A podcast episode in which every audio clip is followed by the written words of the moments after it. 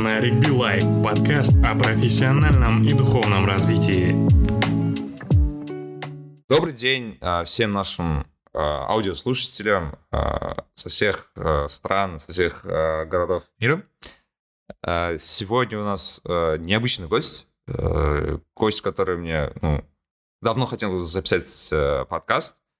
Зовут его Адлет Часубай, он сейчас в Алмате. И, ну, наверное, он сам себя представит. Адлет, привет, добро пожаловать в наш подкаст. Угу. Ригби Салем. Спасибо за приглашение в подкаст, и очень рад здесь находиться, и очень рад с тобой записывать этот подкаст. У меня такая просьба, можешь, можешь ли ты, ну, briefly представить себя, э, э, ну, э, нашим слушателям? Угу, конечно. А, меня зовут Атлет. А, ну, что можно сказать, по специальности я программист. Раньше я работал в разных компаниях в Силиконовой долине и компании Google какое-то время – а сейчас я занимаюсь своим проектом, о котором мы, наверное, поговорим чуть позже в подкасте. Ты как-то не упомянул про свои experience а, в Олимпиадах. Это, ну, просто я объясню. А, я тоже занимался Олимпиадами в школе, в университете, а, наверное, как и ты. А, вот. И я помню, ты участвовал в, школе, в школе в Олимпиадах, да, республиканской Олимпиаде, кажется, брал какие-то места, да? Если я помню. Да, да, я один раз ездил на респу в, получается, одиннадцатом классе и взял серебро. Ну, по информатике была Олимпиада. Я тоже в одиннадцатом классе был на республиканской Олимпиаде. Вот. Но почему-то тебя я не помню, себя я не помнил, ну, видимо, потому что ты, видимо, не был, да, в, ну, как бы у нас год разницы, кажется, я в одиннадцатом году, кажется, был. Это, как, это какой год был? Одиннадцатый, да? Нет, я в двенадцатом ездил. Вот, я и говорю то, что я э, как бы не помню, ну, что, то, что ты участвовал, да, и, наверное, из-за этого, например, когда уже ты в университете начал заниматься олимпиадами, ACM, да, и я такой, вау, это вот, вот круто, я этого парня не знаю, оказывается, ты выступал а, до этого, но взял только в одиннадцатом классе, вот, мне вот интересно, смотри, ты как вообще пришел к этому, то есть к, в информатике, как это происходило в школе? Так, хороший вопрос. Ну, я пришел в информатику на самом деле довольно поздно. Я а до этого занимался математикой, правда, не особо успешно, так на совсем среднем уровне. И где-то в 10 классе я просто пришел кому к учителю и сказал, вот я в этом году хочу информатику пробовать вместо математики. Получается, я начал в начале 10 класса, а ну и в 10 классе я, по сути, только учился, и поэтому в 10 классе я на респу не съездил, и поэтому первый раз я съездил только в 11 классе. А как я к этому пришел? Вообще, я занимался Олимпиадой по математике до этого, но, думаю, так, несерьезно, можно сказать. То есть я каждый год в чем-то участвовал там на области, еще что-то. А, может, даже на области места брал, уже не помню. А, но, по сути, особо увлечения у меня не было. И поэтому в какой-то момент я решил переключиться на информатику. Это какой город был, какая школа? А, это был город Павлодар. Я вообще сам из Павлодара. А, то есть учился в школе именно там. Угу. И вот а, это было в Павлодаре все. А это была обычная школа, да? Или, может быть, физмат по, по КТЛ? Угу. А, так, моя школа называлась гимназия номер 3 для одаренных детей, но по сути это школа, которую никто за пределами Павлодара особо не знает. Угу. То есть это относительно хорошая школа в Павлодаре, но это не какой-то там ниш или КТЛ или какая-то сеть большая. Угу, угу. Ты вообще, кстати, подтверждаешь мою теорию насчет того, что, ну, а, хорошие математики всегда становятся хорошими ИСМщиками. Ну, по информатике особенно. То есть Угу. Вот, ну, в принципе, быстро. это правда. Угу. Да, когда я начал заниматься самой информатикой, а, первое время все довольно быстро и просто шло, наверное, потому что, ну да, после математики. Я сам начинал заниматься в, примерно в девятом, наверное, классе, и а, я, по сути, был э, немного обманут, скажем так, потому что когда говорили про информатику, я думал, что мы будем какие-то писать программы, именно вот программы, да, то, что мы софт будем писать. Пришли, а мы, нам, нам дают задачки алгоритмическими. Ты говоришь, что? Это, э, ну, меня такое было. Но ты знал, да, на что идешь? Ну, имею в виду, э, ты знал, что это про алгоритмы, про задачи и так далее, да? А, да, да, в принципе, я все знал. А на самом деле мне было очень интересно. Из математики я ушел наверное, ну, одни из причин, потому что мне было там относительно скучно, там тебе дадут какой не знаю, кубическое неравенство, и надо его доказать. И даже непонятно, зачем это неравенство, где оно применяется, кому оно вообще нужно. А в информатике, в принципе, тоже есть много таких вещей, которые ну, мало кому нужны по алгоритмам, но там хоть как-то больше прикладного материала, что ли, и ты, когда пишешь программу, ты, в принципе, видишь, зачем это надо, а что-то можно сделать, что-то можно увидеть, что в компьютере запустил, и оно работает. Ну, менее абстрактно, и поэтому мне больше нравилось. А, ну это да, это точно. Ты как-то видишь, да, то, что, ну, результаты твоего, а, ну, решения и так далее. В математике, да, да, да. мне угу. кажется, ты пишешь на бумажке, как бы окей, но да, есть такая угу. разница.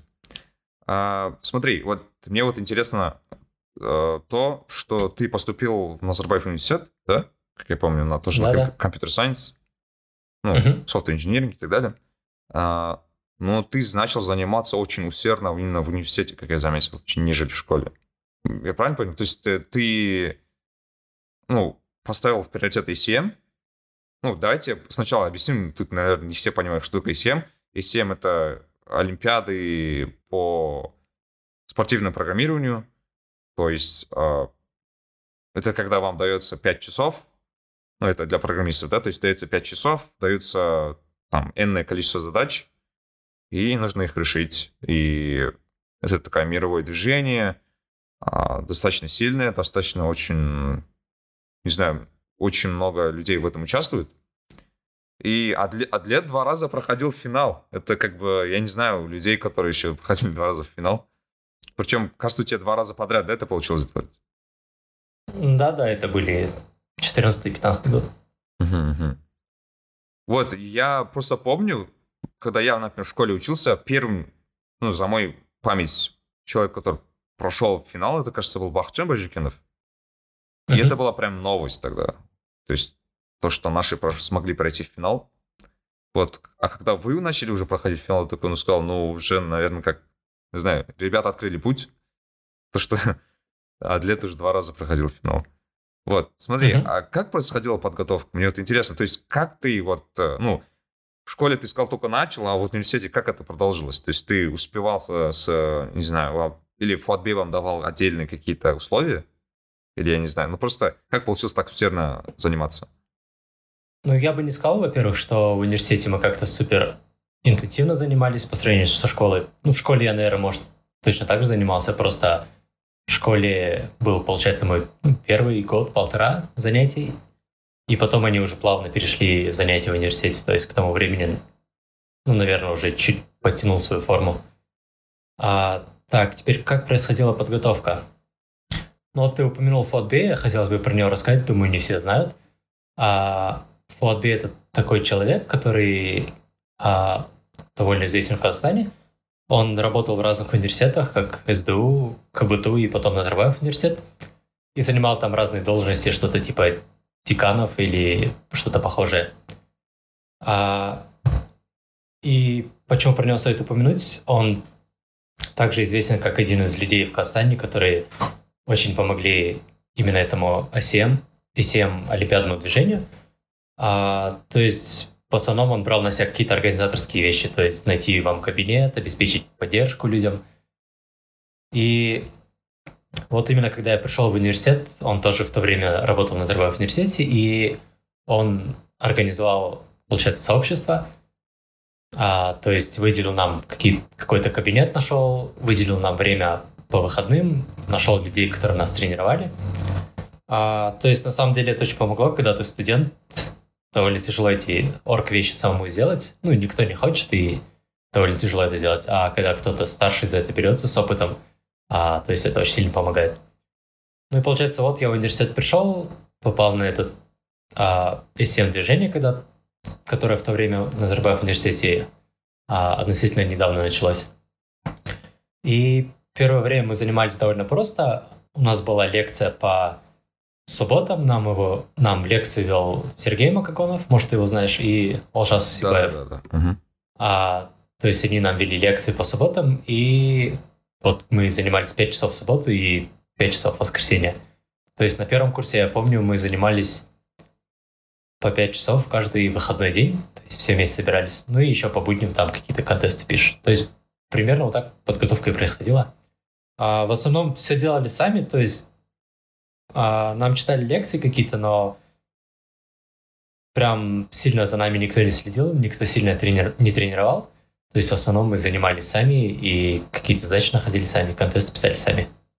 То есть примерно вот так происходило первый год, по крайней мере. Ты, смотри, ты поступил, кажется, в, наверное, 12 году, да, или 13 Я в 12 поступил. В 12 году. Но прошел ты в 14 Да, да.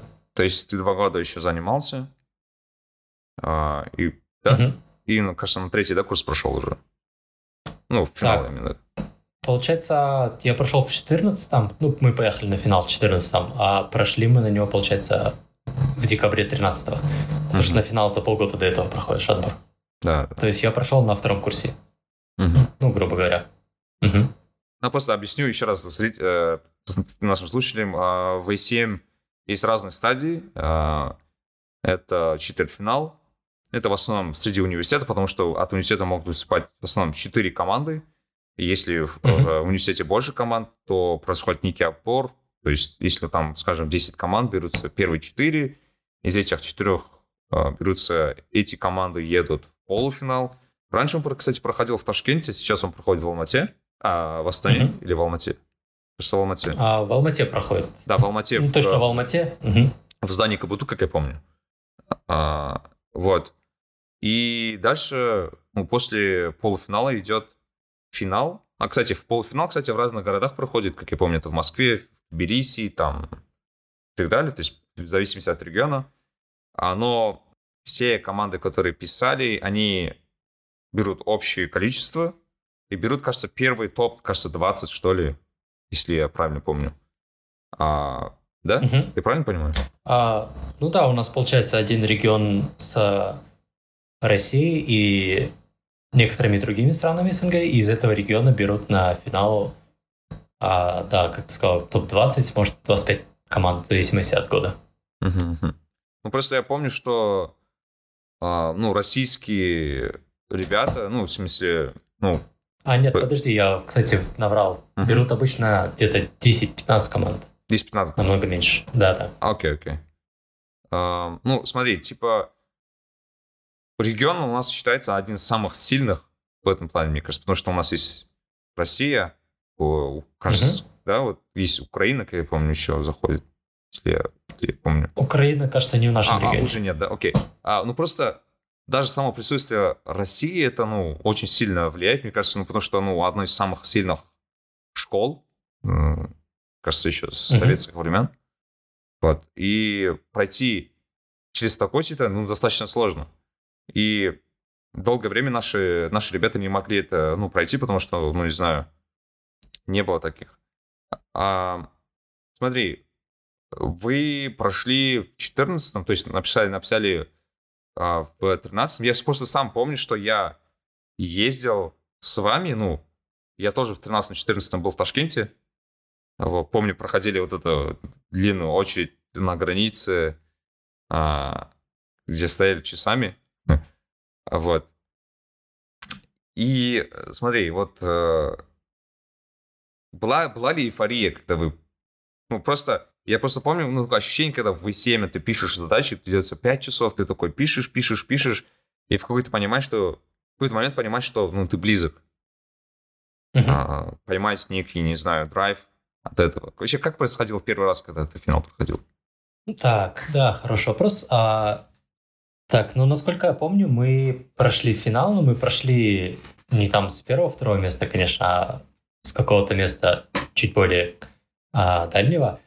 И так, насчет эйфории мы примерно знали, что мы очень хорошо написали и, скорее всего, поедем на финал. А, но там есть такой маленький пункт, что после того, как контест завершится, и после того, как там пройдет результат, а, церемония награждения и так далее – а только после этого какие-то официальные лица в регионе, они что-то подсчитывают и объявляют, кто поедет на финал. Потому что каждый год никто точно не знает, сколько команд в этом году поедет на финал от этого региона. То есть, может 10, может 12, может 15. И мы были примерно где-то на этой границе, то есть точно не были уверены, пройдем или не пройдем, а ну, были уверены процентов на 80, наверное.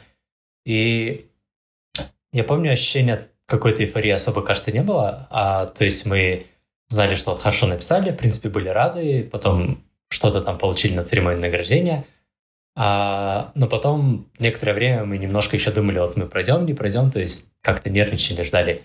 И только вот, наверное, через несколько часов узнали, что вот точно мы проходим, и, в принципе, да, вот тогда радовались. А, но я не помню, что мы как-то особо сильно радовались, просто так, типа, ну, good job, классно, что прошли. А, может, не знаю, может, просто устали к тому времени, или, или я не знаю, как-то так. Да, кстати, после пяти часов достаточно сильно уматывает. Угу.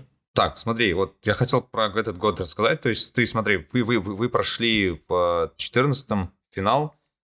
Где он угу. проходил? Он был в России, в Екатеринбурге. Угу, угу. А, как тебе ощущения? Ну, как это происходило? А, ну, очень прикольно, очень понравилось. А, с одной стороны, Россия и Екатеринбург — это не самый лучший location, Кстати, потому да. что он очень близко от нас, и в России мы и так до этого много раз были. А, но, с другой стороны, город довольно прикольный, и сама атмосфера тоже классная, то есть там а, сколько, больше ста команд приехало со всего мира, и то есть со всего мира, это реально со всего мира там, потому что отбор такой, что с каждого региона в мире есть какие-то команды. То есть там были команды с э, Латинской Америки, с Австралии, там а, Северной Америки, с Африки. То есть это всюду. И была очень клевая атмосфера вот именно вот этого финала. И организация, в принципе, тоже была очень хорошая. То есть там а, все хорошо организовано, какие-то мероприятия проводились и так далее. То есть все было очень классно на уровне. А в том году участвовал Короткевич? Так, в том году нет. В том году он не участвовал. Угу. Формат такой же, там тоже 5 часов, те же задачи, да, как я помню. Да-да-да. Угу. Что в итоге получилось? Ну, ты, вы смогли, ну, не знаю, нормально написать его там? Я точно не помню результатов, честно говоря. Угу. Так, ну, мы написали относительно среднее, насколько я помню. А, то есть в команде участ... а, в финале участвовало где-то 120 а, плюс команд, 128 команд, может быть, и мы заняли там где-то 45-60 место, что-то такое. То есть а, где-то в середине таблицы. Угу, угу. А, ну, я как помню, там первые 12, да, берут только а, медали. Угу. Да-да, первые там 12 абсолютных мест берут медали, и да, в эти 12 очень сложно попасть. Да, я просто помню, что в каком-то году Кабуту вместе с э, Азизханом и Амадиаром угу. брали, кажется, 14 место, и они как-то по штрафному времени, что ли, только проиграли. Ну, в смысле, а... очень близки были. Угу. Да, да, что-то такое было. 14 или 16 место у них было. Очень mm хорошо написали в тот год. Да. То есть, э, смотри, вы поехали, вы получили, а вот теперь смотри, вот следующий год вы опять решили продолжить, или прошли обратно, да? а, Мгм. То есть во второй раз была ли уверен, что вы уже пройдете, или вы просто решили, может получится, может нет? А, ну да, мы особо следующий год не думали, заниматься этим или нет, то есть просто как-то по умолчанию занимались, продолжили. А, так, ну в- на следующий год мы, кажется, были относительно сильной командой а, в Казахстане, поэтому, да, уверенности, наверное, больше было, но на финал всегда тяжело сказать, ты пройдешь или нет, поэтому прям особо такой стопроцентной уверенности, конечно же, не было. Мгм. Я вот смотри, вот я как помню, Мгм. а, разные команды, у разных команд разные, скажем, конфигурации. А, то есть в некоторых командах есть сильный математик, в некоторых есть такой сильный именно кодер, да, которым на реализацию очень хорошие задачи делает и так далее. А, Мгм. Вас трое было, да? Да-да. А, Ну да. Я как помню, ты, а, ты можешь рассказать про дво- остальных двоих ребят? А, да, конечно.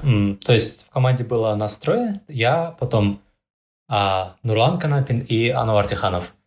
Мгм. Так, теперь если немножко про бэкграунд каждого, больше всех, дольше всех, наверное, занимался Ануар, то есть он со школы тоже был олимпиадником по информатике и начал, ну, не знаю, намного раньше, чем я. Точно не знаю, но, может, там что-то в девятом классе или в восьмом, может, даже. А потом был Нурлан Канапин. Нурлан, на самом деле, был математ... а, олимпиадником по математике всю школу. То есть он был очень сильным математиком. И в университете он решил попробовать олимпиады по информатике, и ну, у него тоже сразу начало хорошо получаться. Но, по сути, он у нас в команде был как математиком. Как дела у этих ребят сейчас? Чем они занимаются? Как дальше пошло это все? А, ну, у них все хорошо. Они сейчас в Гугле работают оба. А, Ануар в Варшаве, а Нурлан в Лондоне. Угу. Круто. Ну и ты тоже время, да? То есть вы втроем, по сути, были в Гугле? Да, было какое-то время, а, когда мы все трое были в Гугле одновременно. Вообще это очень занятно, что ну, именно Google берет очень много A7, A7 угу. а, ребят. Ну, мне кажется, тут зависимость не такая, что Google берет A7 ребят. Ну, а... в принципе, да, они идут в топ-компании, да? У A7 ребят просто очень хорошо, хороший шанс пройти интервью в Google, можно так сказать. А, ну окей. Ну и, ну и вообще любое интервью. Окей. Э, то есть, смотри, вот, а 15 год где проходил? Я помню, это в США был, да, кажется? Нет, 15 год проходил в Марокко. А, о. Ну, в Маракеше, в Марокко. Uh-huh. А, то есть это северо-западная Африка. Да, uh-huh. очень прикольный location. Да. И как бы просто я помню, что многие ACM -щики, они прям пытаются выдать свой максимум, потому что говорят, ну, типа, в, в, как, я помню, как я помню, полуфинал можно проходить пять раз, в угу. финал, кажется, два раза. Да-да, финал только два раза можно проходить. Ну и пытаются там максимум выдать, потому что это, по сути, их, типа, последний шанс. Угу. Да-да, все верно. А, было такое? То есть ты пытался выдать максимум? А, ну да, по сути, мы знали, что это вот, если мы на финал пройдем последний год. А, в принципе, тот год мы хорошо а, вообще, вообще участвовали. То есть мы выиграли казахстанский чемпионат в том году, ну, угу. который четвертьфинал. Да, да. А потом выиграли региональный полуфинал, то есть который казахстанский и Центральная Азия.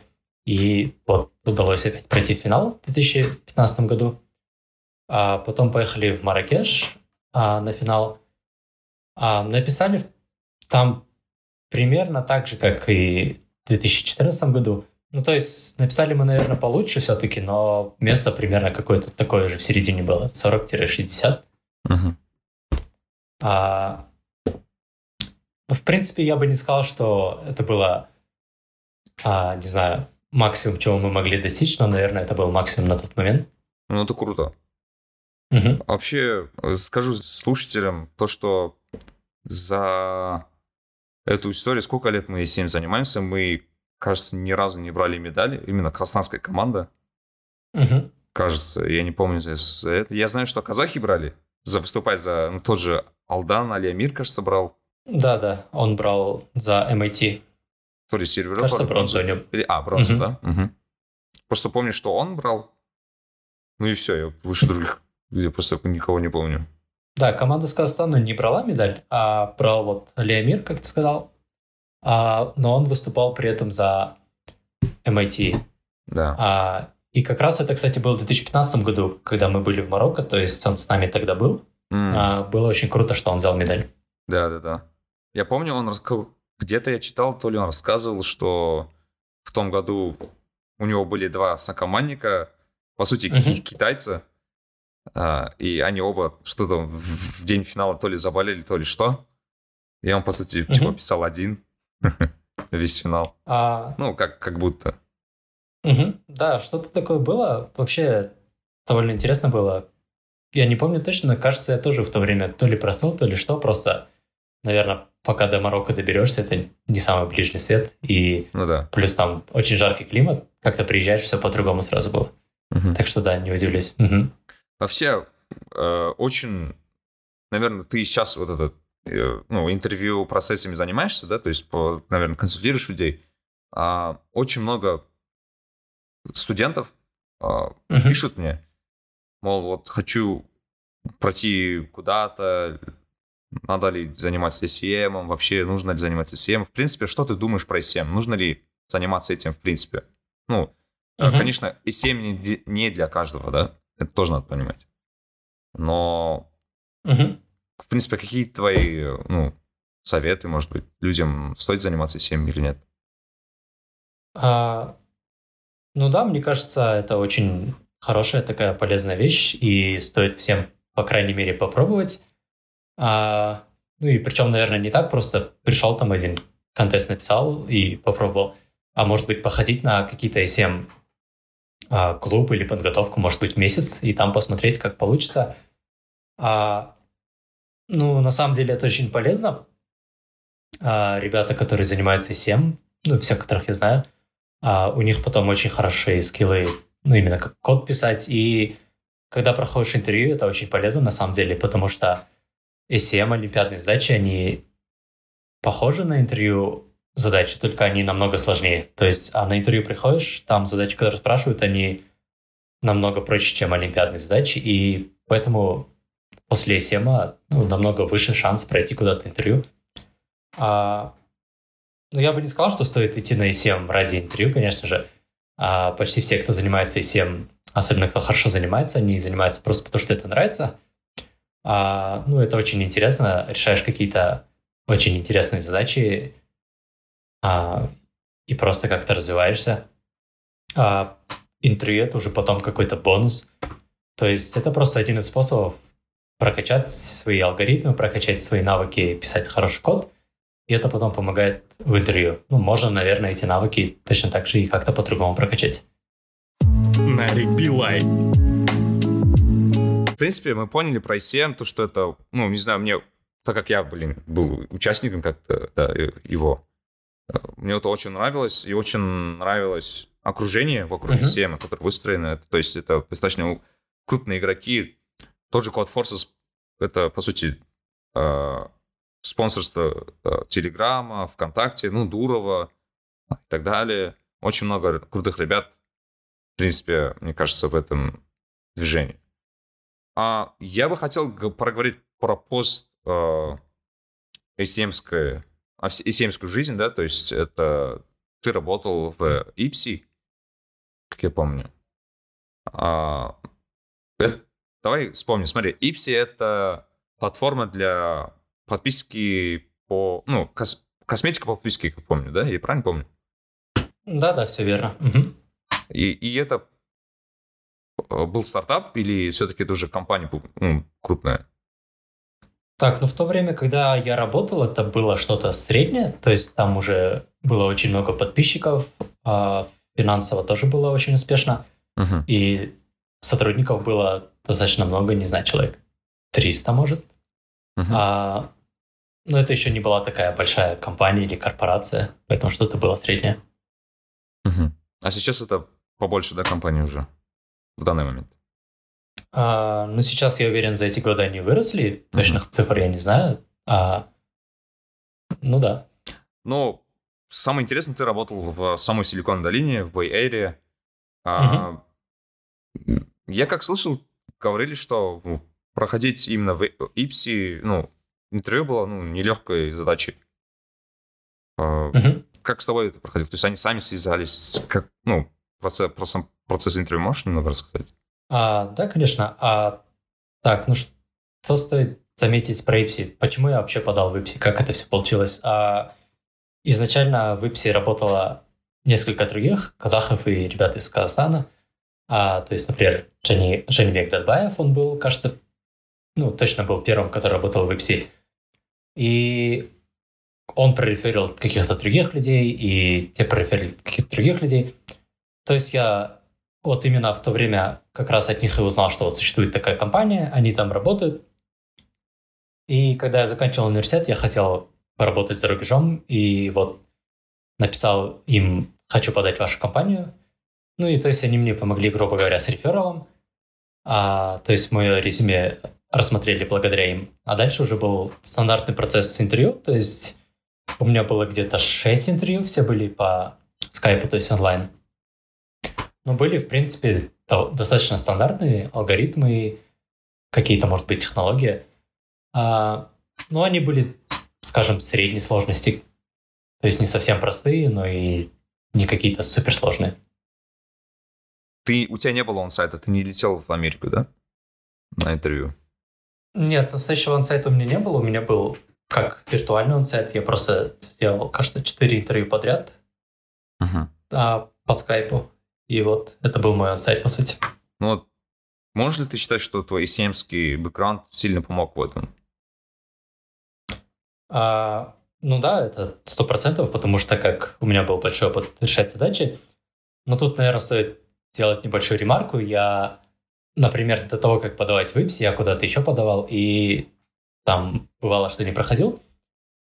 И часто я заметил, что вот после ECM у меня, а, например, я писал на C++, и у меня какой-то код был ну, не совсем супер. То есть я решал задачи практически на каждом интервью, которые мне давали, но я писал часто код не совсем такой красивый, не совсем такой продакшн, промышленный, а больше такой олимпиадный.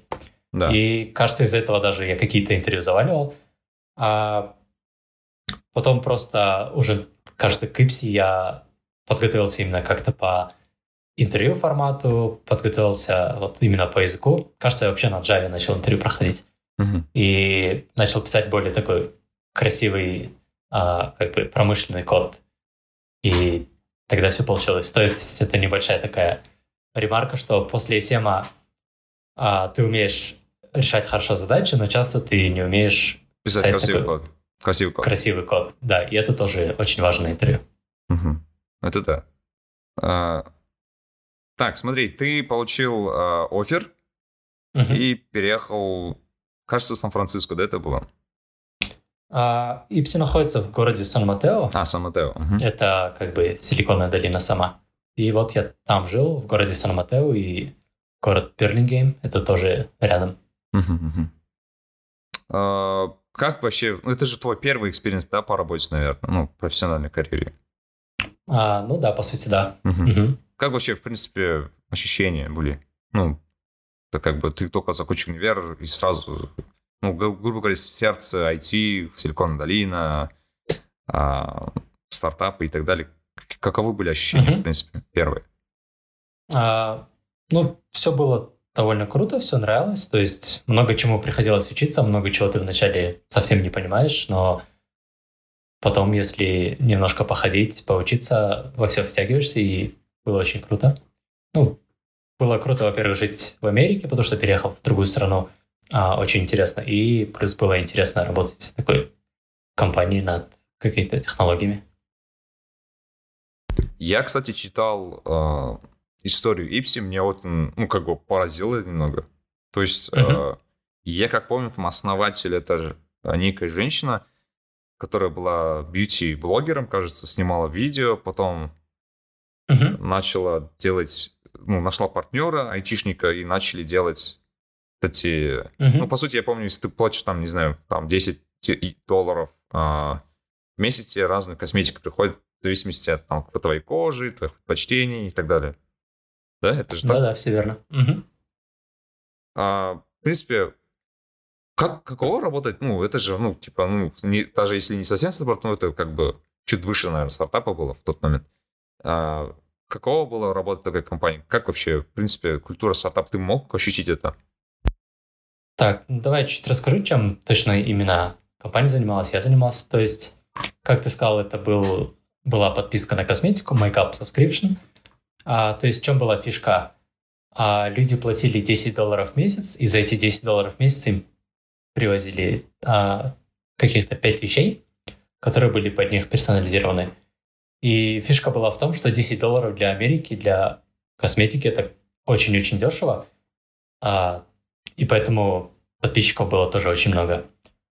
А, дешево было потому, что Ipsy как компания заключала контракты с какими-то другими брендами и ну, получала эту косметику тоже относительно недорого. Ну, win-win, да, такой? Он, Pepsi дает э, такую хорошую платформу кастомеров, а эти дают Да-да-да. такой suppliers, да? Мгм, да, Мгм. все верно. А, и как раз фишка была в персонализации. То есть а, ты вначале заполняешь анкету, как ты сказал, тип кожи, цвет глаз, какие-то предпочтения. и так далее. И потом, когда тебе присылают именно образ, там, образцы косметики, они персонализированы под тебя. А я работал в команде Personalization, то есть мы как раз занимались этой персонализацией. Мы отвечали за бэкэнд, который делал разные алгоритмы, обрабатывал данные, то есть э, ранил какие-то workflows, алгоритмы и так далее, чтобы именно персонализацию под какого-то человека, ну, под каждого человека сделать. А, ну, было очень интересно, на самом деле я занимался вот этим backend infrastructure, а, и когда этим занимаешься, даже неважно, какой у тебя там продукт, косметика или там продукты или что угодно, то есть, в принципе, это все выглядит как просто набор данных, а я занимался как раз именно infrastructure, backend, алгоритмы, и ну, было очень интересно. А там, не знаю, есть какой-то ML, machine learning, есть, да, такое? То есть он как-то... Да-да, все это было. Угу. Угу. Ну, ты занимался э, именно разрабоч... разработческой частью, да, этого? А, да, я чуть-чуть касался а, ML, ну, когда приходилось иногда, но в основном, uh-huh. да, я занимался больше backend infrastructure. Смотри, uh-huh. очень много казах работает, э, сейчас я замечаю, работает в Silicon Долине, то есть есть некое комьюнити. Как тебе, ну, в принципе, как, как тебе комьюнити было? Как они встретили тебя, в принципе, какого, же, какого uh-huh. быть в этом комьюнити? Ну, да, все было очень круто. Я там познакомился с многими людьми, а многих из них я уже до этого знал. То есть, ну, комьюнити такой очень хороший. А, ну и плюс, наверное, такой бонус, когда люди, с одной стороны, из Казахстана за рубежом, они как-то, не знаю, может быть, теплее друг к другу относятся, то есть у них больше желания друг с другом встречаться, когда они за рубежом, может быть, и mm-hmm. а, общаться между собой. То есть очень легко было, ну, по крайней мере, мне туда приехать и а, сразу познакомиться с кем-то или с кем-то ты уже знаком был. Может быть, с Олимпиадой или с других вещей. Как тебе, в принципе, жизнь там? Мне кажется, просто... Ну, помнишь, у Дудя, кажется, был uh трехчасовой выпуск про это. uh А, я лично не был в Силикон Долине, не был в Америке, но даже если зайти в тот же Quora, в разные сайты, да, очень часто uh жалуются на work-life balance в Силикон Долине, то, что на медицину жалуются сильно. То есть есть некие uh-huh. минусы, как бы, которые, ну, важны многим. В плане безопасности, uh-huh. кстати, тоже очень часто говорили, что, ну, так как в Штатах можно ходить с оружием, а, во многих Штатах, а, то есть люди тоже немного unsafe себя чувствуют. Вот, и, ну, это из минусов, но, мне кажется, плюсов там гораздо больше. Именно, ну, скажем, именно регион, где Bay Area находится. Как, как ты думаешь, mm-hmm. в принципе, какие, какие плюсы ты видишь? А, ну да, это такой большой вопрос. Плюсы, минусы. А, можно много что сказать. Так, ну стоит, во-первых, сказать, что ты вот хорошо сказал про регион. То есть я жил в Калифорнии, именно в регионе вот Bay Area, где Силикон Долина находится. И это очень-очень сильно отличается от большинства остальной Америки.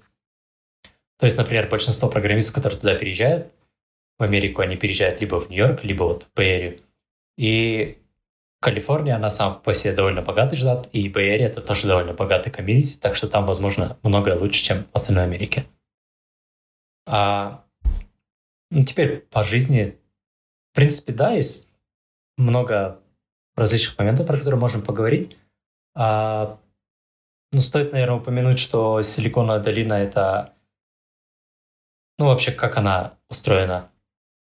То есть, на самом деле, это не какой-то большой город или не какой-то там, не знаю, а, офис или что-то такое, а это просто такая эрия вокруг Сан-Франциско, и там на самом деле очень много очень небольших городков. То есть они, по сути, сливаются и переходят друг друга.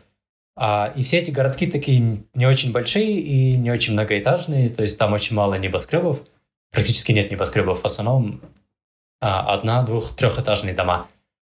А, то есть немножко похоже даже на какой-то пригород или даже а, деревню, можно сказать. То есть там такие небольшие дома, и они разбросаны на очень большой территории.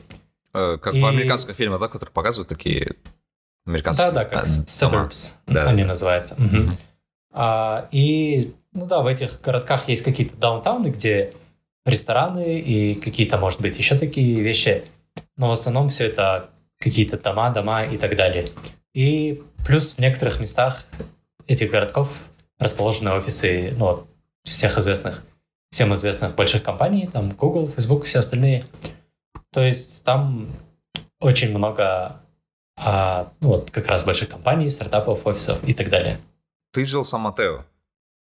Да, это тоже вот один из таких небольших городков. Угу. Ну, кстати, про часто слышу про Сан-Матео. Видимо, тоже достаточно популярный город, э, ну, в плане IT-компаний. Э, знаю знакомых, которые там живут. Да. А, смотри, ты там работал, кажется, год с лишним, да? А, ну, в Ипсе я работал где-то полтора года. Uh-huh, А, вот. Но ты в итоге перешел в Google, как я помню. Uh-huh. Какова была причина? Это был челлендж, это был... А, не uh-huh. знаю, не, не, не, не нравилось работать в стартапе? Или просто, не знаю, а, какова uh-huh. причина была?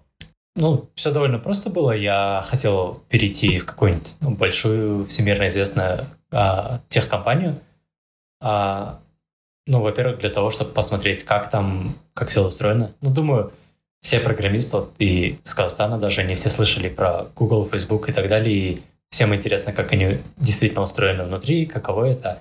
И вот мне тоже хотелось попробовать, и у меня был, была цель в тот год попасть в какую-нибудь большую компанию. И вот получилось Google. Ты как-то расписал, помню, в каком-то посте на своем сайте, кажется, или в Фейсбуке, про то, как ты готовился. Да-да. У меня на сайте есть блог. Да, я такой, ну, был impressive. То есть я такой, вау. То есть ты говорил, что ты, а, ну, чтобы приоритизировать, ты очень много не заходил в соцсети, уделял uh-huh. какое-то количество времени в день, параллельно работал и так далее. Uh-huh. Можешь описать этот процесс подготовки? Мне было очень интересно послушать. Да-да. А, ну, вот, как я сказал, у меня на сайте есть блокпост, длинная версия, где можете почитать. А, вкратце занимался несколько месяцев. Два, три, четыре месяца. А, и вот, да, все это время, ну, было очень хорошее время для подготовки. Как-то мне удалось войти в ритм. То есть я ездил на работу, после работы приходил, не знаю, какой-нибудь сериал смотрел, может быть, ужинал. И потом 2-3 часа каждый вечер работал а после этого. И, то есть, да, вот эти несколько месяцев я, кажется, вышел из всех соцсетей, вообще никуда не заходил, а практически никогда там на выходных и так далее не ходил там, не знаю, с кем-то гулять или еще так далее. То есть в основном сидел и готовился. А, ну и получилось вот достаточно продуктивно. Выработалась какая-то такая привычка каждый день готовиться постоянно, и было очень продуктивно. Угу.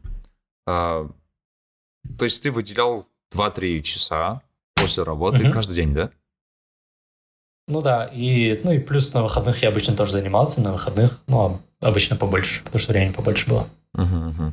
Ну, просто такой вопрос. Ты говоришь о том, что э, весь этот процесс подготовки, да, нужно сделать как привычку. То есть, э, грубо говоря, я, не знаю, после работы, скажем, с 8 до 10 всегда решаю задачи и так далее. Угу. Ну, а, ну такой, да, behavior, да. такой behavior, да, должен появиться. Ну да, так намного проще как-то привычно каждый день заниматься. Может быть, даже не очень по много чем заниматься, там, я не знаю, рандомно раз в месяц. И, ну, это не так продуктивно. Ну да, просто я часто про это слышу, что, ну, то, что, например, тот же процесс подготовки, это не про саму подготовку, ну, не про не сам experience э, интервью, а это больше про сам experience подготовки, во время которого ты как бы прорабатываешь эту привычку именно решения задачи. Да, то есть, э, uh-huh. ну, тебе становится интересно, тебе уже привычно, даже... Я часто слышал такую историю, что ребята которые так готовились усердно, уделяли время определенное, а потом устраивались на работу, у них все равно, остав... все равно оставалась эта... оставалась эта причина, ну, не причина, но такая привычка, да, которую они такие, о, надо порешать, а, а я уже как бы на работе как бы устроился, когда надо. А, ну, да, думаю, все верно. А, у меня, ну, мне до сих пор нравится решать задачи, вот даже олимпиадные.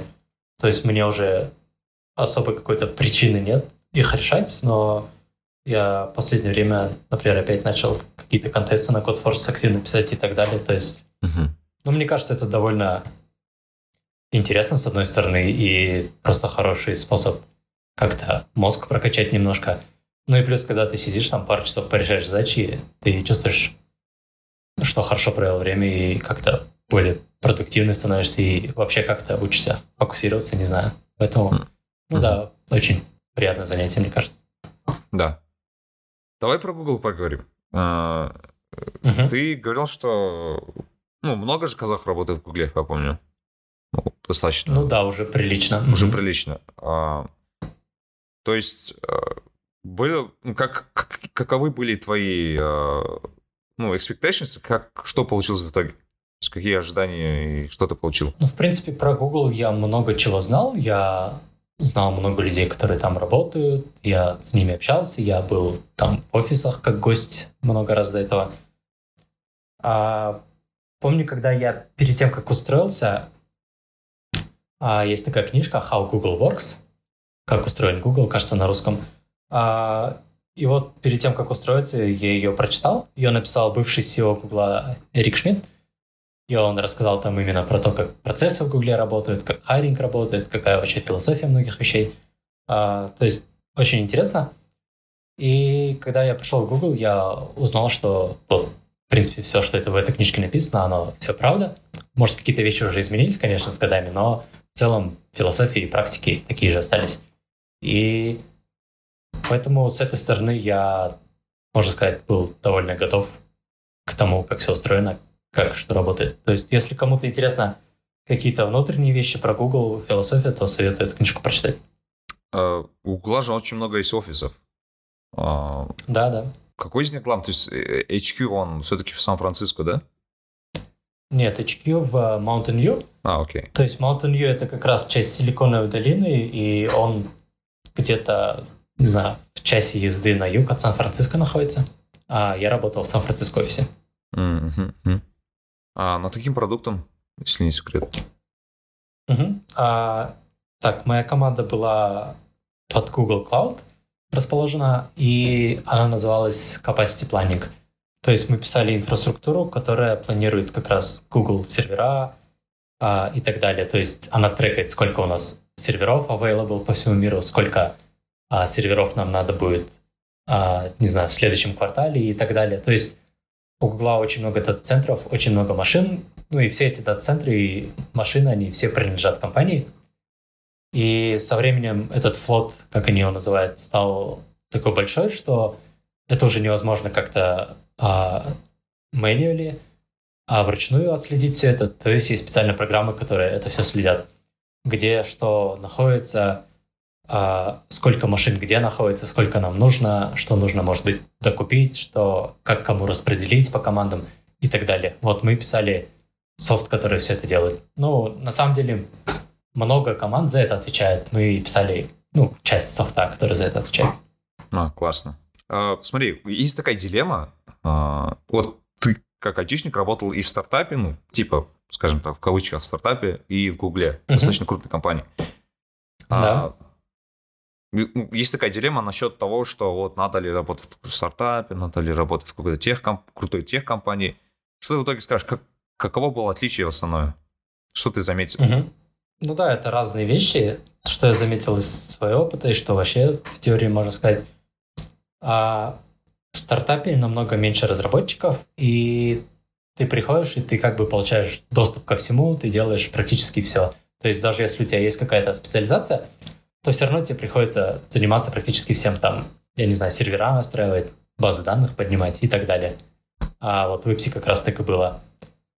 А благодаря этому ты, кажется, много чему учишься, потому что ты все сам делаешь. Но, с другой стороны, это может быть намного тяжелее. Ты сидишь, у тебя ничего не получается, и тебе все это самому приходится делать. А, и чаще что-то ломается, и это приходится там чинить тебе самому, или именно тебе это чинить.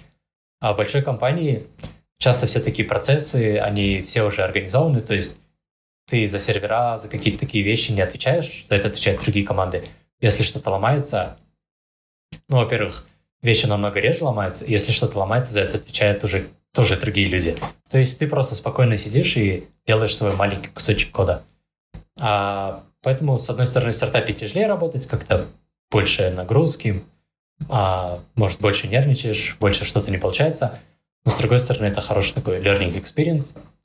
А, так, еще можно сказать, что в стартапах как раз из-за этого а, какие-то кодинг practices, они намного хуже чаще всего. То есть люди, может быть, и хотят что-то как-то там правильно сделать, но у них просто не хватает времени, ресурсов, людей, чтобы это идеально сделать. И им нужно уже какую-то следующую версию в продакшн выкатывать. То есть поэтому код может быть хуже и какие-то практики хуже. А в большой компании часто есть уже время и люди, и там возможности а, все сделать там, не знаю, практически идеально. И поэтому а, качество кода и качество инфраструктуры, инфраструктуры тоже а, намного выше чаще. То есть можно вот так сказать, везде есть плюсы и минусы. А в стартапе больше учишься, думаю, а в большой компании ты просто видишь какие-то лучшие практики и просто работаешь, не парясь над своим кусочком. Вот ты правильно сказал насчет кусочка. Ну, в больших компаниях ты же реально не работаешь над большими вещами. Ну, скажем, вот ты работаешь в определенном в определенном продукте, в определенной команде, над определенной задачей. То есть это очень-очень uh-huh. специфичная area, то есть область, да, где ты работаешь. А, uh-huh. Вот. Бывает, что люди, короче, говорят, немного вводят, ну, не депрессию, конечно, но, типа, ну, некомфортно то, что, типа, они в этой большой бахине, как, например, Google, работают над очень-очень маленькими вещами. То есть, скажем, а, задачи uh-huh. достаточно не такие. Ну, то есть, человек, грубо говоря, занимался ACM, занимал, поднимал такие вещи крутые, в итоге занимается очень таким а, моментами. Кажется, что, ну, мол, чувак, как бы, ну, это же, ну, типа, каждый может сделать, почему именно я, ну и так далее. То есть, вот таких очень много моментов в больших компаниях, когда человек uh-huh. с большим опытом, а, крутыми возможностями работает над очень мелкими вещами. Ну, у тебя было такое ощущение, либо это просто такой миф? Так, ну думаю, это в целом правда. Конечно, все зависит от твоей команды, чем именно ты занимаешься и так далее. А, да, ты, например, даже в Гугле работаешь, ты не работаешь там, не знаю, сразу над Google Search. Даже если ты работаешь над Google Search, ты работаешь там над каким-то супер маленьким кусочком. А, ну да, с одной стороны, часто можно услышать от людей, что вот им надоедает, и как-то ничего такого супер exciting нет. То есть ты приходишь каждый день в Google, и ты не работаешь там над каким-то какой-то вещь, которой там, не знаю, миллиарды людей пользуются, будут пользоваться завтра. Ты работаешь над каким-то маленьким своим куском инфраструктуры, а, который просто в общую картинку складывается потом. А, но с другой стороны, всегда можно найти в этом какие-то ну, плюсы во всем, что ты делаешь. То есть, а, то есть ты работаешь своим маленьким кусочком, и ты просто, ну как, идеально его делаешь. И даже нельзя сказать, что ты работаешь там над супер маленьким куском. Обычно все равно то, над чем ты работаешь, или твоя команда, это достаточно большая вещь, и всегда можно найти что-то новое, что-то интересное. Ты ну, практически никогда не знаешь весь код своей команды даже до конца. То есть, с одной стороны, да, ты работаешь над небольшим кусочком кугла, но даже этот небольшой кусочек кугла, над которым твоя команда отвечает, он достаточно большой и, ну, может быть, достаточно интересный. То есть, опять же, это все зависит, не знаю, от команды, от человека.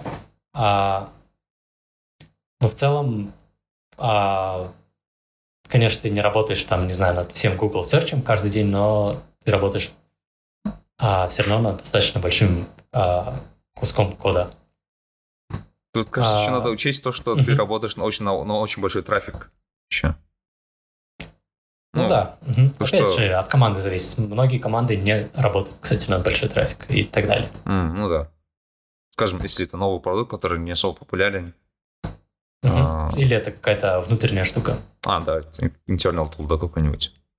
Угу. Угу. Угу. Понятно. Смотри, вот очень много perks, как говорят, да, у Гугла. А, Да-да. Особенно, наверное, в Америке как тебе, какие у тебя были перкс в итоге? То есть, э, чем ты реально пользовался, что тебя, ну, прикалывало? А, ну да, примерно все, что вот про что люди говорят, все примерно правда. То есть был очень классный офис, и вообще все офисы, в которых я был, они в целом все классные. Ну, есть похожие, есть получше, конечно. А, ну и в офисе есть разные там, не знаю, у нас была игровая комната, были разные, а, была музыкальная комната, можно на разных инструментах играть, были разные areas, там, не знаю, с диванами и так далее, где можно просто почилить.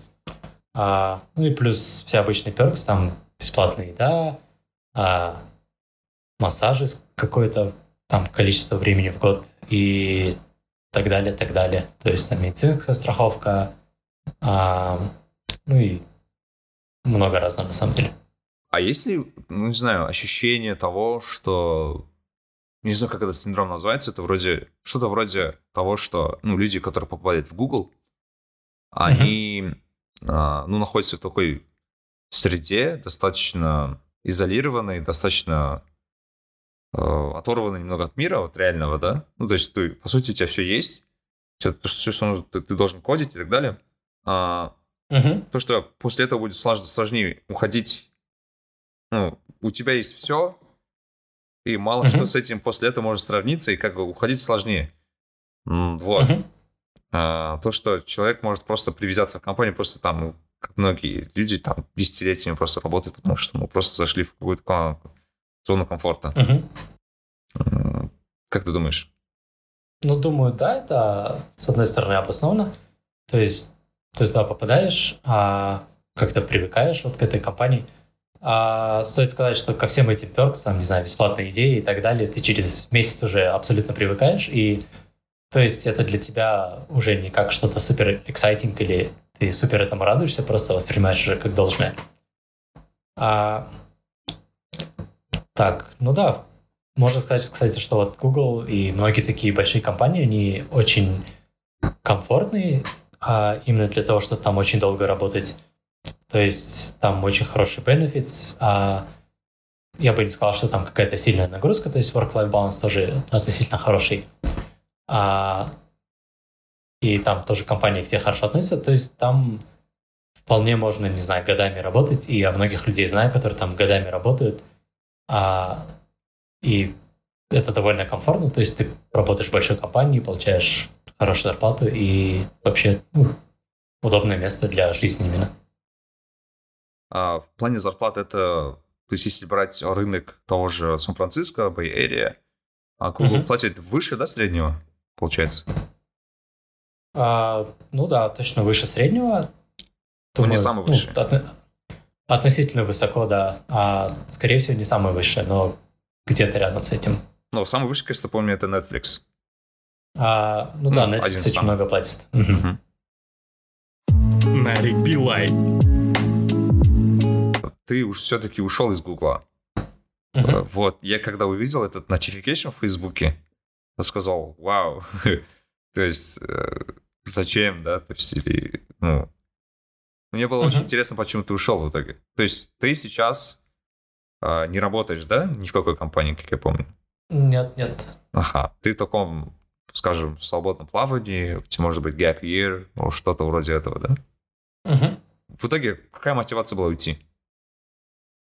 А, ну, ты хорошо сказал year. Я примерно так про это и думал. То есть year, а, если кто-то не знает, это год после школы или университета обычно, или даже в середине университета, когда, например, студенты обычно а, прерывают свои учебу, или, может быть, а, заканчивают университет и год не выходят на работу, и год просто занимаются чем хотят. Не знаю, обычно люди путешествуют и так далее. А, достаточно распространенная практика на самом деле, особенно вот на Западе. А, на самом деле очень, а, мне тоже было очень интересно. А, я, кстати, какой-то Гарвард стадию потом прочитал, то, что они всем советуют year брать. То есть, если ты в Гарвард поступаешь, кажется, это Гарвард был, то они говорят, ты можешь взять year, и мы тебя примем на следующий год, если хочешь. А, это прям этот как практика, да, используется? Да, да, это часто встречается. Я бы не сказал, что это, не знаю, супер частая практика, но относительно много людей кто так делает. И а, вот какие-то стадии говорят, что это полезно и так далее. А, то есть вообще мотивация за этим это то, что вот ты, не знаю, попадаешь, может быть, в школу или в садик, во сколько? В 5 лет, да? Да. а, в 6 лет, 7 лет, а потом попадаешь в школу, учишься там 11 лет, потом попадаешь в университет, учишься там 4 года. То есть ты 15 лет, по сути, находишься в этой системе. И прикольно вот на год как бы выйти из этой системы, или даже, может быть, после пару лет, а, нескольких лет на работе, вот как я сделал. То есть выйти из этой системы, если ты можешь, и как бы заниматься чем хочешь. То есть а, довольно интересно. А, ну вот у меня была какая-то примерно похожая мотивация. Я не называю это gap но про year я слышал, тоже у меня было, было это на уме. То есть а, я как раз хотел, не знаю, взять сам off, просто а, уйти из Гугла, например, и позаниматься, чем я хочу какое-то время. А, например, Google, я думаю, никуда за это время не денется, и большую компанию, в принципе, всегда можно попасть.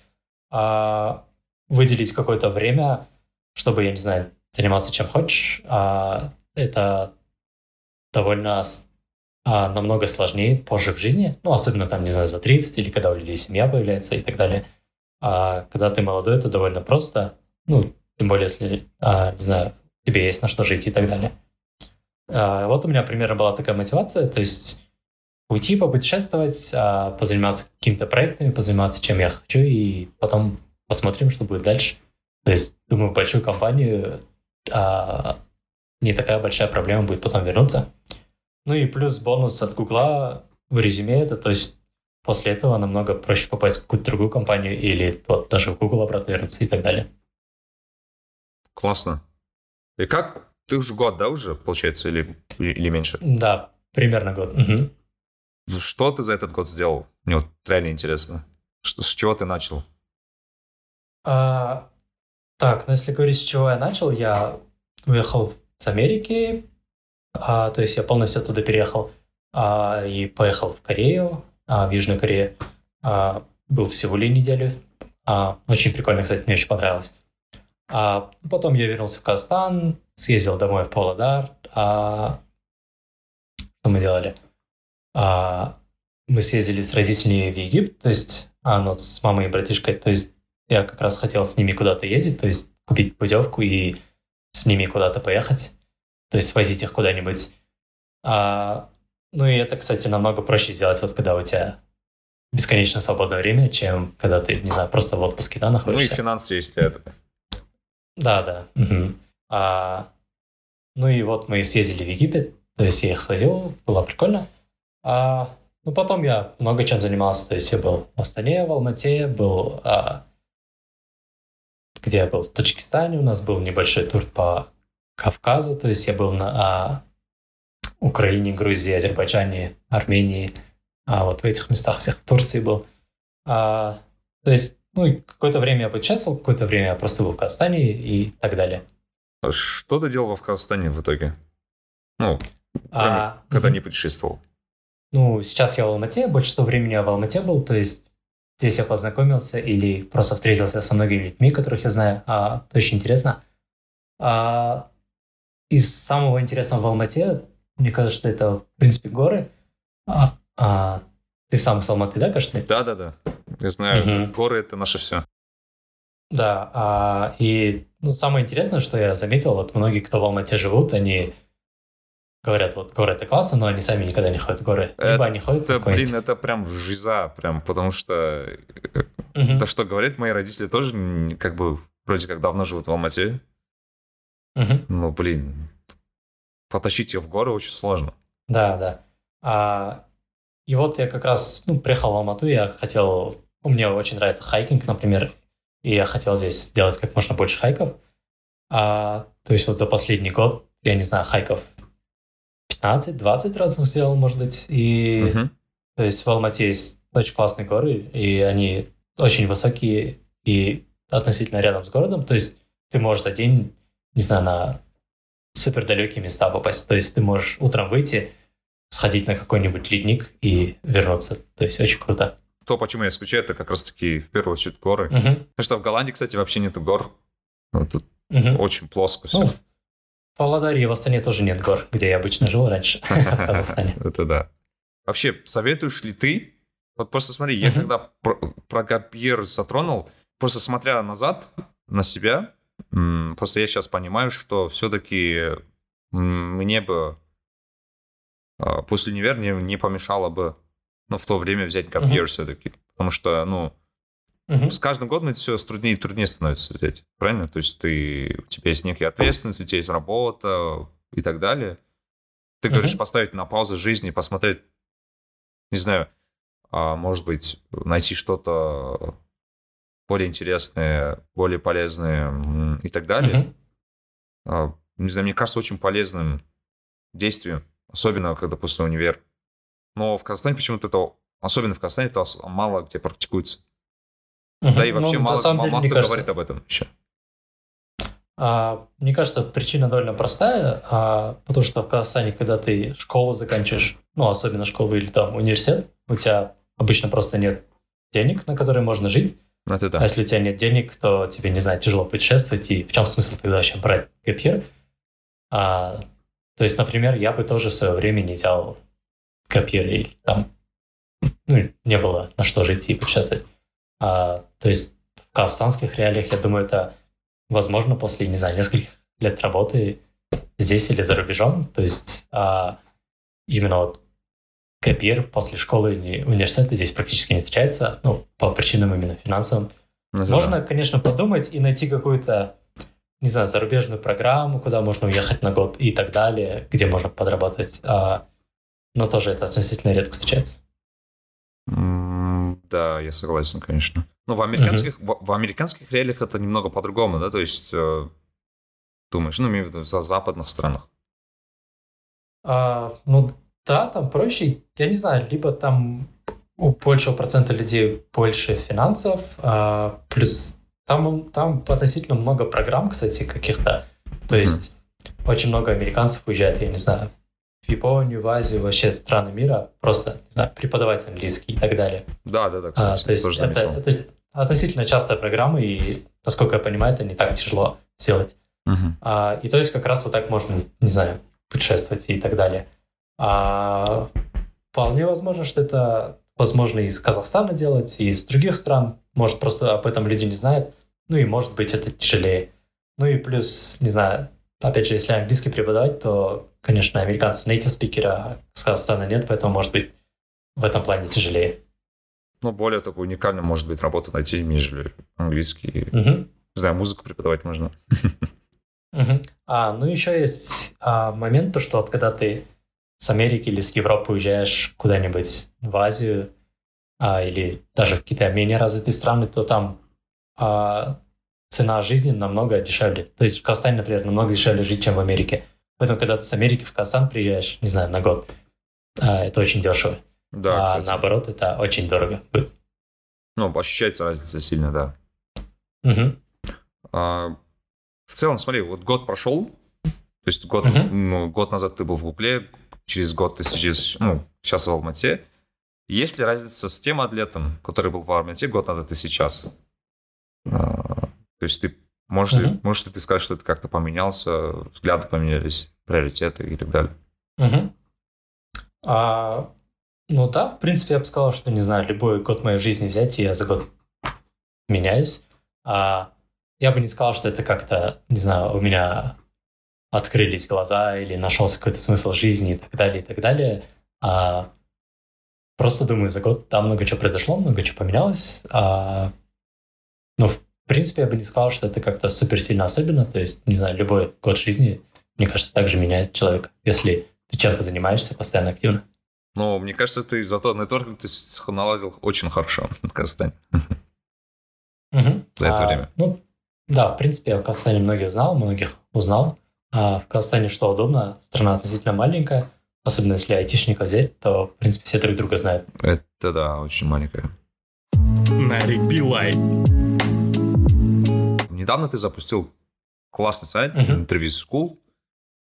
Очень uh-huh. классно. Я когда впервые открыл его, сказал, вау, неужели кто-то это сделал наконец? То есть, ну, мало э, сайтов именно настолько детальных, настолько, ну, статей-то очень много.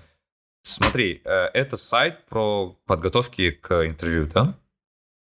Да, все верно. Uh-huh. Uh-huh. А, зачем ты начал это делать? То есть, э, в чем была причина? Немножко, наверное, истории. Когда я вот а, в Google поступил, я попал в Google, а, я написал вот этот блокпост, про который мы раньше говорили, где я написал, как я готовился и так далее, так далее. А, то есть вот его довольно много людей прочитало. Даже сейчас на мой сайт я вижу на этот пост именно много людей заходит и читает. А, и кто-то мне даже писал то, что типа классный пост, мне помогло и так далее. Какие-то вопросы спрашивал. То есть я видел, что вот людям эта тема интересна, это им помогает. А, но все равно, вот когда я тот блокпост написал, он довольно длинный получился, но все равно я там, конечно же, не расписал все, что, не знаю, все, что знаю или все, что я хотел бы поделиться, а, потому что это очень много материала. Я решил просто вот написать как бы сайт, написать как бы серию постов, где я просто по каждой теме, интервью теме ну, расписываю все детально, практически все, что знаю, все пишу.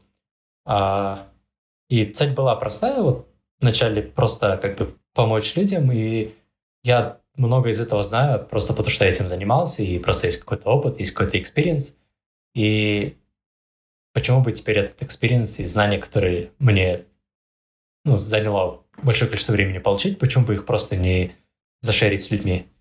А, и вот мотивация была такая простая, как бы все это написать очень детально, намного более детально, чем в том одном посте, и просто поделиться с людьми. Очень много вопросов по процессу интервью спрашивают. А, у меня, у меня, у тебя, скорее всего, тоже. То есть, как проходит, что делают и так далее. Какие, не знаю, best practices ты можешь посоветовать людям в принципе? То есть, человек, вот, скажем, сегодня решил поступить ну, поступить, то uh-huh. он начнет, начнет работать в Гугле, ну, в Фэнк, да, компаниях, как uh-huh. крупных, Facebook, Amazon а, и так далее. Uh-huh. Что ему следует сделать? Ш- какие шаги предпринять? Первые, вторые, третьи? Ну, в принципе, какие советы ты можешь сказать, э, дать бы человеку? Uh-huh. Да, ты вот хорошо сказал про как раз формат интервью, да? А, очень много людей, у них очень много вопросов, не там, скажем, по алгоритмам, задачам, а именно по таким, ну, казалось бы, простым вещам для тех, кто это прошел. Как вообще интервью проходит, какой там формат, а, что вообще на интервью спрашивают, а, какие бывают виды интервью, как подавать, как резюме писать. То есть это, можно сказать, какие-то такие типа софт-скиллы. То есть это не какие-то у тебя скиллы как программиста, как писать код и как а, решать задачи, а это именно как вообще этот процесс работает, как на него подать, как лучше всем этим заниматься. И вот на сайте я расписал алгоритмы, но также я очень много расписал именно по этой теме, то есть там как подавать, как интервью проходит и так далее, так далее. А потому что я заметил, что очень многих людей именно такие простые вопросы по этим вещам. Потому что если ты сам этот процесс не проходил, довольно непонятно. И думаю, если кто-то хочет подать, им вначале нужно просто ознакомиться, как этот процесс работает, что нужно учить, а, как нужно подавать. А, ну, об этом можно очень много, много говорить. Как раз вот у тебя на сайте я примерно все это постарался расписать. В плане советов, ну, вкратце можешь какие-либо советы дать именно человеку, ну, который решил все-таки uh-huh. этим заняться? А, ну, думаю, тут никаких хитростей нет. Нужно сначала просто узнать, как интервью работает, то есть что такое онлайн-интервью, что такое онсайты, а, как подавать, что такое рефералы. А, то есть вот эти все базовые вещи. А потом все довольно просто для программистов вот во всех практически компании, особенно вот Google, Facebook и так далее, интервью проходит очень просто. А, то есть формат очень простой. А тебе дают какие-то задачи, ты задачи именно на алгоритмы и на то, чтобы написать код – и ты как бы решаешь эту задачу, при этом обговаривая решение с интервьюером. То есть вот говоришь, вот у нас есть массив, нам задача такая-то, такая-то, и я предлагаю такое решение. И после этого, как ты решил, написать код, то есть на каком-то языке программирования, то есть который работающий и будет решать эту задачу. То есть концептуально все довольно просто, идет минут 45-60. А и вот когда ты все вот эти базовые концепты знаешь, нужно просто к этому интервью подготовиться. Ну, я говорю, просто к этому интервью подготовиться. На самом деле это очень сложно и занимает очень много времени. То есть нужно знать набор каких-то алгоритмов. И потом нужно именно тренироваться, решать именно интервью задачи. То есть те же самые задачи, которые бывают на интервью, ты их решаешь, пишешь код и учишься их решать, учишься их объяснять.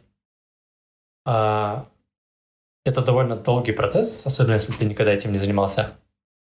И на это уйдет, не знаю, несколько месяцев, может быть, даже год, два, если совсем с нуля начать. Атлет, смотри, кроме этого, если ты же вот сейчас на Gap Year, скажем, у тебя есть планы э, дальнейшего? У тебя, тебя появились они, может быть, вернуться в Google, uh-huh. может быть, заняться стартапами, не знаю, может быть, ну и так далее. То есть очень много вариантов, в принципе, у тебя. Uh-huh. Вот. Э, решил ли ты куда идти и что делать? А, ну, я бы сказал, прямо таких а, сет-планов у меня нет, то есть жестких планов. Сейчас я вот занимаюсь как раз этим проектом, Interview School, а, то есть до сих пор пишу какие-то статьи в него, а, плюс сейчас я общаюсь со многими людьми. У нас есть как раз вот канал в Телеграме, где люди спрашивают вопросы и так далее, и так далее. То есть как раз общаясь, кому-то, может быть, помогаю, если люди спрашивают вопросы. А, то есть занимаюсь вот сейчас этим проектом, и, в принципе, там есть еще что делать, посмотрим, куда он дальше разовьется. А по поводу дальнейших планов, точных планов нет, а не исключаю, что я вот вполне могу вернуться в какую-нибудь компанию какое-то время, даже в тот же Google, а, то есть очень хороший вариант. А, но пока конкретных дат, может быть, или планов у меня нет. Но особенно как раз сейчас вот с коронавирусом немножко тяжело сказать, когда удастся, например, переехать в другую страну и так далее. А на самом деле, ну, зато это был хороший момент на карантине, когда можно было сидеть дома и просто писать свой сайт, как бы меньше отвлечений. Одно из самых, наверное, часто задаваемых вопросов айтишникам, а, казахстанцам, которые работают за рубежом, это первый вопрос, собираетесь ли вы когда-либо вернуться? Второе, mm-hmm как вы собираетесь, если, если да, то как вы собираетесь, не знаю, развивать, э, может быть, или, ну, как-то влиять, э, ну, повлиять на ситуацию в стране, в IT, ну, с тем, что uh-huh. человек может сделать. Вот как ты сможешь на эти два вопроса ответить? Угу. Ну да, на самом деле частый вопрос. А вот ты сам собираешься вернуться? Я... Ты сейчас в Амстердаме, да? Да-да-да. ну, не знаю, когда, но да. Угу. А вот интересно, я, конечно, этот вопрос часто слышал, часто мы с кем-то разговаривали.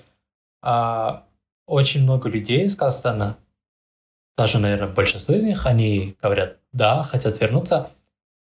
А, но я заметил, что на самом деле очень мало из них возвращается, и как бы их решимость вернуться как бы с годами пропадает. То есть они первый год думают, да, я когда-нибудь обязательно вернусь, надо еще чуть здесь поработать а потом они просто привыкают к другой стране жить и никогда не возвращаются. А, ну, то есть я никого, то есть не критикую, ничего такого, а в принципе Нет, это... правда, правда, да. Так есть. Это все, это все нормально, то есть это а, выбор каждого. А просто я слышу часто такие мысли, что многие хотели бы теоретически вернуться и помогать что-то здесь сделать, но они просто остаются в какой-то другой стране, потому что там, не знаю, лучше жить и работать, и, может быть, если ты вернешься в Казахстан, то непонятно немножко, что тут делать. Да, это часто вопрос и часто позиция именно такая. А возвращается, на самом деле, насколько я вижу, ну, довольно мало людей. Ну, конечно, они есть все равно, но относительно мало от общего количества. Большинство остается где-то за рубежом. Мне кажется, еще сильно влияет ситуация в стране.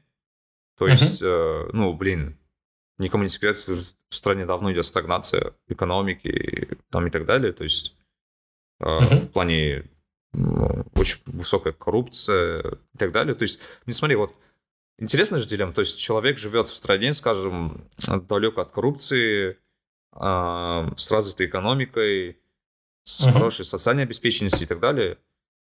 Ну, uh-huh. мне кажется, сложно переехать в ту страну, где все это в разы меньше развито, да, то есть, ну, это твоя страна, конечно, но все-таки то есть у тебя есть зарплата, у тебя есть все, что нужно, ты работаешь в крутой компании. И как-то сложно, ну, ну людям, которые, которые критикуют это, вот, то, что вот зачем вы остаетесь, я говорю, блин, ну, чувак, смотри, типа, ты живешь в хорошей стране, у тебя есть работа, у тебя есть все, и ты предлагаешь это все uh-huh. поменять на Казахстан, где это все гораздо меньше, но где есть родные. Конечно, да, родные это большой плюс, uh-huh. Но если это убрать из контекста, ну ты как бы Э, ну, это же неравноценный, неравноценный обмен, ну, прямо сейчас, скажем, да, Мгм. в этом плане. Ну да, в принципе, это все правда. Мне кажется, а, насколько я сам думаю, и насколько я вижу, многие люди думают, а, просто проблема в работе. То есть есть такой вопрос, а, я там со многими людьми обсуждали. Если вот в Казахстане откроют офис Гугла, вы вернетесь, и на самом деле очень многие люди говорят, что да, типа, если я могу в Казахстане жить и в Гугле работать при этом, то почему бы нет? А ты сам Ну. как думаешь, ты увернулся? А, я на самом деле не знаю. То есть, а, например, у меня была причина за рубежом пожить, потому что мне было интересно за рубежом пожить. А, но с другой стороны, вполне может быть, что да, потому что ты все равно живешь как бы в Казахстане и ну, как бы все равно приятнее в своей стране жить, да, и так далее. Мгм. И если у тебя здесь будет работа от какой-то международной компании, например, не знаю, в тот же Google или Facebook даже сюда приедет, и если у тебя зарплата будет, ну, относительно хорошая, может быть, даже не по американским меркам, а Ну, по но месту. все равно очень хорошая по местным и очень хорошая, так, ну, general по миру, скажем, Мгм. то почему бы нет? И многие люди как раз тоже так же говорят, вот если, например, не знаю, в Астане, в Алмате откроют офис Гугла, и там будет зарплата, ну, я не знаю, Мгм. 5 тысяч долларов в месяц, а, может быть, чуть выше. А, то есть очень хороший для Казахстана и в среднем по миру а, достаточно, то почему бы нет? И мне кажется, это как раз вот такой основной вопрос. То есть как раз а, ну, вот, со всеми, там, не знаю, недостатками, может быть, местными и так далее. А, но, в принципе, все, кто здесь, вот мы жили, принципе, все более-менее же к этому привыкли и так далее. То есть, ну, мы знаем, как это. И, Мгм. но самый большой вопрос, мне кажется, все равно в работе. То есть Да-да-да. ты сюда приедешь, и где тебе здесь работать? Вот если бы какая-то интересная работа для программистов, ну, может быть, в больших международных известных компаниях здесь была, то, думаю, тогда был бы намного больше шанс, что кто-то вернулся бы, Ну, например. м, да, мне кажется, тут несколько таких решений может быть. То есть, да, как ты говоришь, Мгм. это, и когда в наш рынок пойдут какие-то более крупные игроки, тоже Google, Facebook, или вот такие компании, и либо в стране появятся какие-то компании местные, которые а, будут работать, скажем, на международные рынки, да, на европейский, Мгм. на азиатский, ю- ю- Юго-Восточную Азию и так далее. Ну, то есть компании, которые не работают на внутренний рынок, потому что он маленький, а будут работать на большой рынок, где зарабатывать будет они, там, скажем, в другой валюте, а давать зарплату в тенге, что будет win для всех да, сторон. Мгм. Мне кажется, Да, в этом ну, еще есть момент. Мгм. Еще многие люди просто хотят работать в каких-то ну, вот, престижных международных компаниях, там Google, Facebook, а, и, не знаю, меньше хотят работать в каких-то стартапах. Это да. И- да. Вот, в Казахстане с этим немножко проблемы. Слушай, вот заканчивая эту тему, хотел бы сказать, смотри, в последнее время очень много вопросов на тему патриотизма, там, что есть патриотизм и так далее. Я сам это часто задаю, сам мне тоже это задают. А для, да, вот что ты, что для тебя патриотизм? Как ты это понимаешь? Ну, такой сложный, серьезный вопрос. А, я не прям, чтобы об этом думал. А, но мне кажется, не знаю, во-первых, у каждого человека какие-то есть корни внутри, какая-то привязанность к стране, где он ну, вырос и кучу времени провел. И поэтому даже не важно, что такое патриотизм, просто, например, вот у меня и у всех людей, может быть, есть какая-то ну, привязанность к Казахстану как к месту, где куча знакомых, где куча людей, где, в принципе, все знакомо и так далее. А, а на и на самом деле, мне кажется, не важно, нет какого-то definition, то, что ты вот должен быть патриот, и ты должен делать это, это, или жить в Казахстане и так далее, и так далее. То есть можно где угодно находиться, что угодно делать, а, но все равно и как раз важна именно, может быть, твоя культурная привязанность или бэкграунд и так далее. Как ты видишь Казахстан? В принципе, то есть ты пожил ну, в Америке, работал в разных, ну, вдруг, ну, очень хороших компаниях. В принципе, IT Мгм. ты видишь, да? То есть ты IT понимаешь. А как ты видишь пути развития IT, в принципе, в Казахстане? То есть э, тому же молодому специалисту лучше всего идти за рубеж, получить там опыт, либо оставаться здесь, может быть, что-то пробовать в самом Казахстане. Мгм. А, ну, в Казахстане сейчас есть несколько там компании IT, которые, в принципе, развиваются, что-то делают, какие-то интересные вещи даже делают. И я вот вижу, что многие выпускники университетов, которые ну, программисты, они здесь, в принципе, короче, а, находят довольно хорошую работу и получают а, довольно хорошие деньги по местным меркам. То есть, в принципе, жить как программист здесь можно. Вместе с этим я бы не сказал, что здесь, не знаю, очень много очень интересной работы для программистов, к сожалению. То есть можно найти, конечно, интересные проекты в разных компаниях и так далее, но а, выбор там, не знаю, крутой работы для программистов, ну, не прям супер. А особенно по сравнению с Западом, может быть. И даже независимо от всего, что вот я только что сказал, я бы посоветовал всем, кому интересно поехать поработать за рубежом, а, просто потому что... А, ну, тут есть две, два вопроса. Первый вопрос — это то, что пожить в другой стране и вообще посмотреть мир и как-то где-то в другом месте поработать, это прям супер меняет твою а, точку зрения, твое мировоззрение и, не знаю, очень прокачивает тебя в плане там, как личность и так далее. А, ну и плюс ты очень много чему можешь научиться именно в плане техническом, как программист а, в компаниях за рубежом, мне кажется, там, а, ну, ни для кого не секрет, я думаю, что в целом там очень много компаний, где IT намного лучше развито, чем в Казахстане или даже вот в СНГ. Ну, не знаю, я, я в основном беру пример э, людей из Индии, Угу. Потому что, если сейчас смотреть, раньше, помнишь, вот были такие мемы, там, индусский код, индусы, программисты, пишу код за еду и так далее, вот это вся, а, все эти приколы. Но если сейчас, если смотреть, то они очень крутые. Я имею в виду, индусы, они очень крутые в том плане, что если взять эти компании, тот же Google, Стандарт Пичай, да, а Microsoft, это тоже, как его звали-то, а, Сатья Наделла, тоже из uh-huh. То есть очень много людей, тоже Силикон долине, а, работающих, ну, возглавляющих uh-huh. такие IT-компании крупные, но uh-huh. в то же время они в, в Индии родились. То есть для них как бы не стоял вопрос там оставаться, не оставаться, они просто шли, брали. И мне кажется, сейчас, ну, те же люди, которые за рубежом добиваются успеха какого-то, да, то есть продвигают, мне кажется, они даже больше делают полезного, чем они могли бы делать в Казахстане. Ну, ну, ну в своей стране, имею в виду. Угу. Вот, а... Такой тоже момент есть. Ну, да, в принципе, это все правда. Мне кажется, а... для людей, например, кто хочет куда-то уехать, им намного лучше переехать куда-то, посмотреть мир, а подзаработать хорошо и набраться какого-то там, не знаю, супер опыта и стать намного более лучшими программистами и, может быть, поработать в какой-то большой компании, приобрести какую-то уверенность в себе. То есть он станет, не знаю, в несколько раз лучше, как может быть а, программист, и у него будет а, больше как по финансам и так далее. А, и потом он, если уже захочет, он всегда может вернуться в Казахстан и что-то там поделать, или даже удаленно помогать, или разрабатывать какие-то продукты, которые, которыми в Казахстане тоже пользуются и так далее. То есть, мне кажется, этот вопрос не прям так стоит. Мир сейчас довольно маленький, то есть везде можно а, находиться и все равно помогать, не знаю, Казахстану и так далее. Например, вот ты сейчас в Амстердаме, но ты все равно проводишь интервью со мной и с другими казахстанцами, то есть это помогает людям с Казахстана.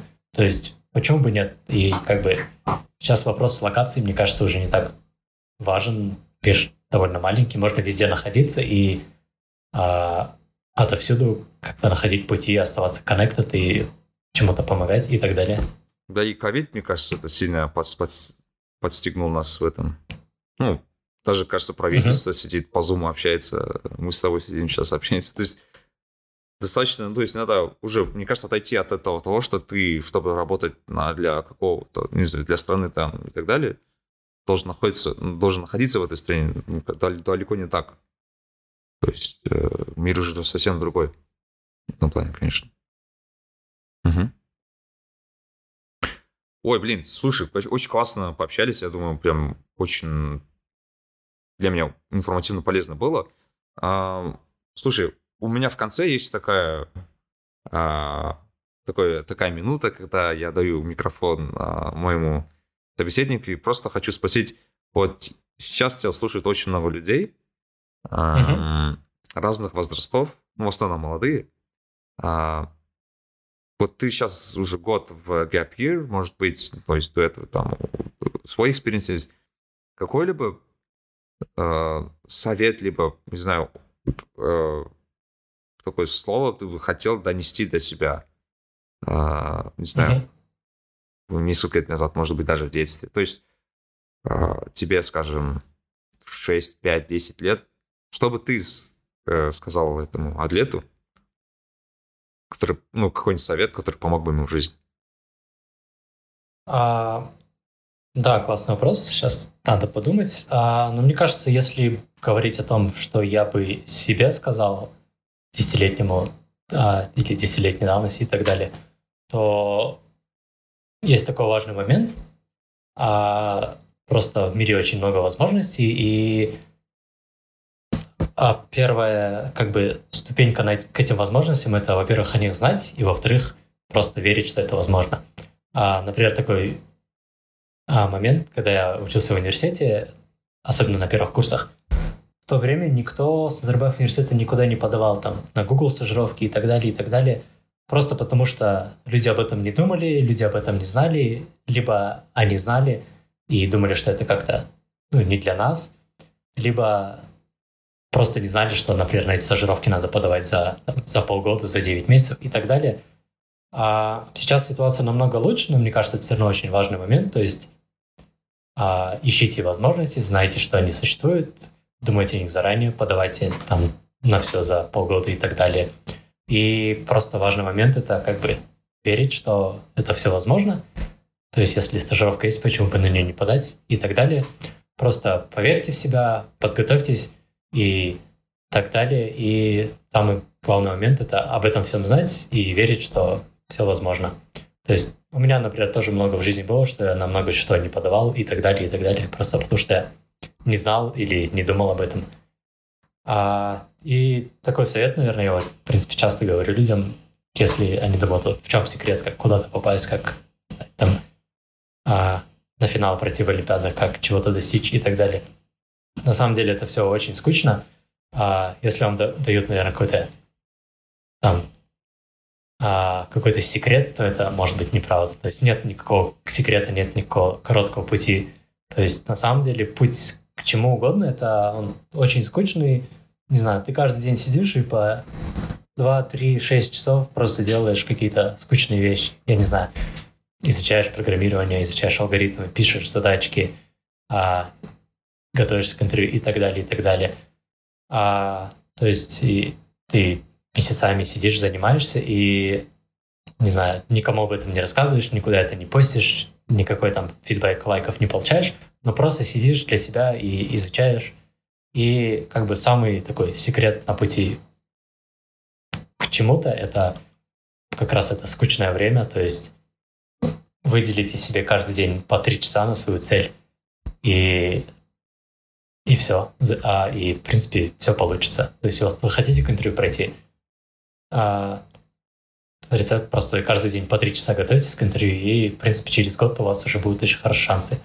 Ну и, в принципе, чему угодно, мне кажется, так можно. Какой-то университет поступить тоже можно каждый день, не знаю, учиться эссе писать и так далее. Или там на музыкальном инструменте научиться играть. А, то есть секрета практически никого нет. Все очень скучно, и на самом деле, наверное, весь секрет как раз в этом скучном времени, то есть как можно больше времени так проводить в этой обычной каждодневной работе, и как раз она ко всему этому и приводит. Блин, это прям классно. Ты сказал то, что это скучное время. Uh-huh. А, ну, это так и есть же, по сути. Это же реально, то есть многие думают, успех это вау, вау, сидеть там, что-то он изучил, там, что-то он сделал, там, и так далее. Uh-huh. Но это же всегда скучно же. Это реально скучно. То есть ты должен заниматься да, очень да. долго, кропотливо и так далее. То есть достаточно скучная uh-huh. вещь. То есть да, ты, можно изюмировать так, да, забиваться успеха достаточно скучно. Скучный процесс. ну, в этом плане. А, ну, то есть угу. да. проводить время. Да-да-да. Угу. Слушай, большое спасибо, Атлет. Блин, мне кажется, один из самых интересных э, бесед, которые я получал за последнее время. А, угу, было классно. очень Спасибо, что позвал да. на подкаст. Ага. Угу. А, желаю дальнейших успехов. Серьезно, э, хотелось бы, чтобы э, ребят таких э, было очень много в Казахстане, которые не просто занимаются каждый день email, они пытаются что-то менять, делиться uh-huh. и так далее. Вот. Большое спасибо, дальнейших успехов. А, а с нашим слушателям а, всем спасибо. Делитесь подкастом в соцсетях, пишите нам ревью а, на сайтах и так далее. Всем спасибо, всем пока. Угу. Всем спасибо. Спасибо, кто прослушал нас так долго. И спасибо тебе за этот подкаст. А, надеюсь, он получится хорошим. И надеюсь, у тебя дальше все подкасты тоже будут очень классные. И вообще успехов по жизни и так далее. А тебе и всем слушателям. Спасибо. Нарик Билай, кәсіби және рухани даму жайлы подкаст.